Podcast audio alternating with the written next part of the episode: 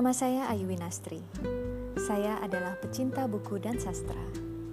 Di podcast Nona Review ini, saya ingin membagi apa yang saya dapatkan dari buku yang saya baca. Terima kasih sudah bergabung dengan Nona Review.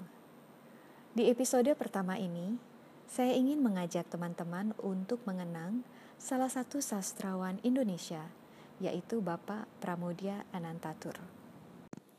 Selain itu, saya juga mengajak teman-teman untuk mengingat hari kelahiran Pram, yaitu 6 Februari. Pramudia lahir di tanggal 6 Februari 1925 di Blora, dan jika beliau masih ada hingga kini, maka usia beliau menginjak 94 tahun. Sekilas tentang Pram, di masa mudanya Pram aktif di dunia jurnalisme Tulisannya syarat dengan kritik pemerintah dan juga menyertakan kebebasan berbicara dan menuntut kesetaraan bagi kaum minoritas. Oleh karena itu, pemerintah saat itu sangat tidak menyukai Pramudia. Pada tahun 1965, Pram ditangkap dan dijadikan tahanan politik. Waktu itu Pram dituduh melancarkan kudeta dan terlibat PKI. Selanjutnya pada tahun 1969, Pram diasingkan di Pulau Buru selama 10 tahun. Selama kurun waktu itulah Pram banyak banyak sekali menulis. Bahkan konon kabarnya naskah-naskah tersebut sempat dihancurkan atau dihilangkan, tapi Pram berhasil menuliskannya kembali. Pram dibebaskan pada tahun 979, tapi karya-karya beliau masih dilarang. Pada tahun 2000 akhirnya buku-buku Pram dapat kita bisa nikmati. Inilah salah satu sebab kenapa banyak dari kita belum membaca Pram. Bahkan mungkin tidak mengenal Pram. Sebagai seorang sastrawan, misalnya kita bandingkan dengan Hairil Anwar, tentu saja akan lebih banyak orang yang mengenal Hairil Anwar. Hal ini tentu saja bukan hal yang bisa kita banggakan. Sebaliknya, kita sepatutnya merasa menjadi korban dari suatu peristiwa di mana pemerintah menghalangi kita sebagai generasi muda untuk lebih mengenal bangsanya.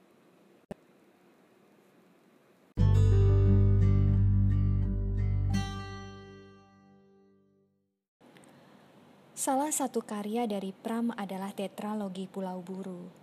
Tetralogi Pulau Buru terdiri dari empat buku yaitu Bumi Manusia, Anak Semua Bangsa, Jejak Langkah, dan Rumah Kaca. Nah, saya ingin mengulas sedikit tentang Bumi Manusia, buku yang membuat saya jatuh cinta pada halaman pertama. Salah satu karya dari Pram adalah Tetralogi Pulau Buru. Tetralogi Pulau Buru terdiri dari empat buku yaitu Bumi Manusia, Anak Semua Bangsa, Jejak Langkah, dan Rumah Kaca. Nah, saya ingin mengulas sedikit tentang Bumi Manusia, buku yang membuat saya jatuh cinta pada halaman pertama. Bumi Manusia menceritakan tentang perjalanan seorang pemuda Indonesia bernama Minke yang jatuh cinta pada seorang gadis bernama Enelis. Perkenalannya dengan Enelis membawa uh, Mingke berkenalan pula dengan ibunya Enelis yaitu Nyai Ontosoroh. Nyai Ontosoroh ini digambarkan sebagai seorang perempuan yang mandiri, cerdas, dan juga berani. Walaupun predikat Nyai pada zaman itu sangat negatif. Artinya, Nyai adalah seorang wanita pribumi yang menikah dengan laki Eropa tanpa terikat pernikahan yang syah. Kendati pun demikian, predikat Nyai tersebut tidak mengurangi rasa kagum dan rasa hormat Minke terhadap Nyai Ontosoroh. Semasa muda, Nyai Ontosoroh dikenal dengan nama Sanikem. Kemudian Sanikem dijual oleh orang tuanya kepada seorang Belanda bernama Herman Melema yang kemudian menjadi ayah dari Annelies. Selanjutnya dikisahkan bahwa Annelies meninggal dunia dan jasadnya harus dibawa ke Belanda. kita bisa bayangkan betapa sedihnya Minke dan betapa terpuruknya Nyai Ontosoro. Tidak hanya kehilangan anak, Nyai Ontosoro juga harus kehilangan suami. Walaupun kita tahu bahwa Nyai Ontosoro tidak begitu mencintai suaminya.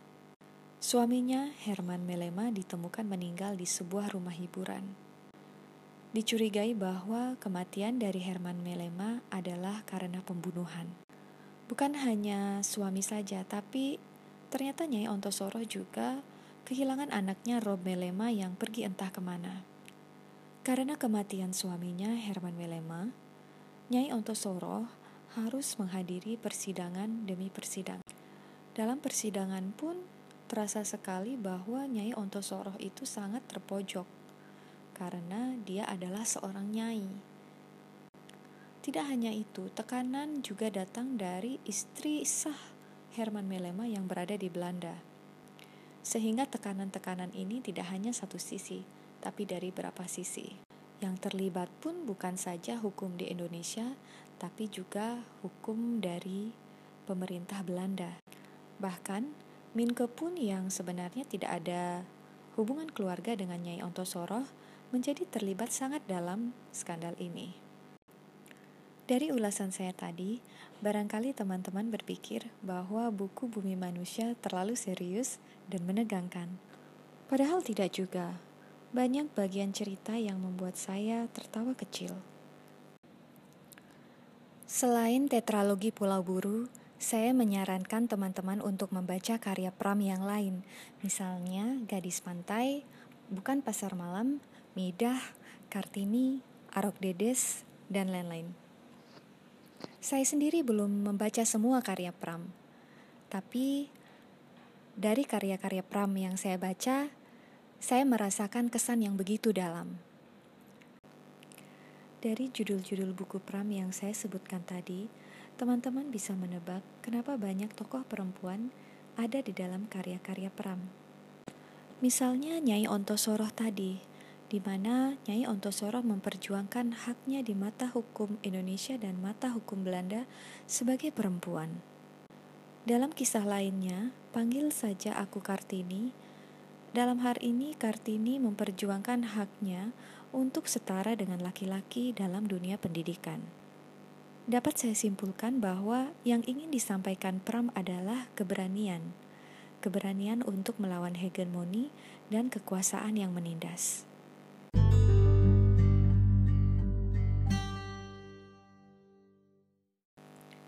Demikian ulasan saya tentang bumi manusia dan mengapa kita perlu membaca karya Pram. Semoga ulasan ini dapat membantu pemahaman kita. Terima kasih juga sudah mendengarkan dan bergabung bersama Nona Review. Saya Ayu Winastri, sampai jumpa di podcast selanjutnya.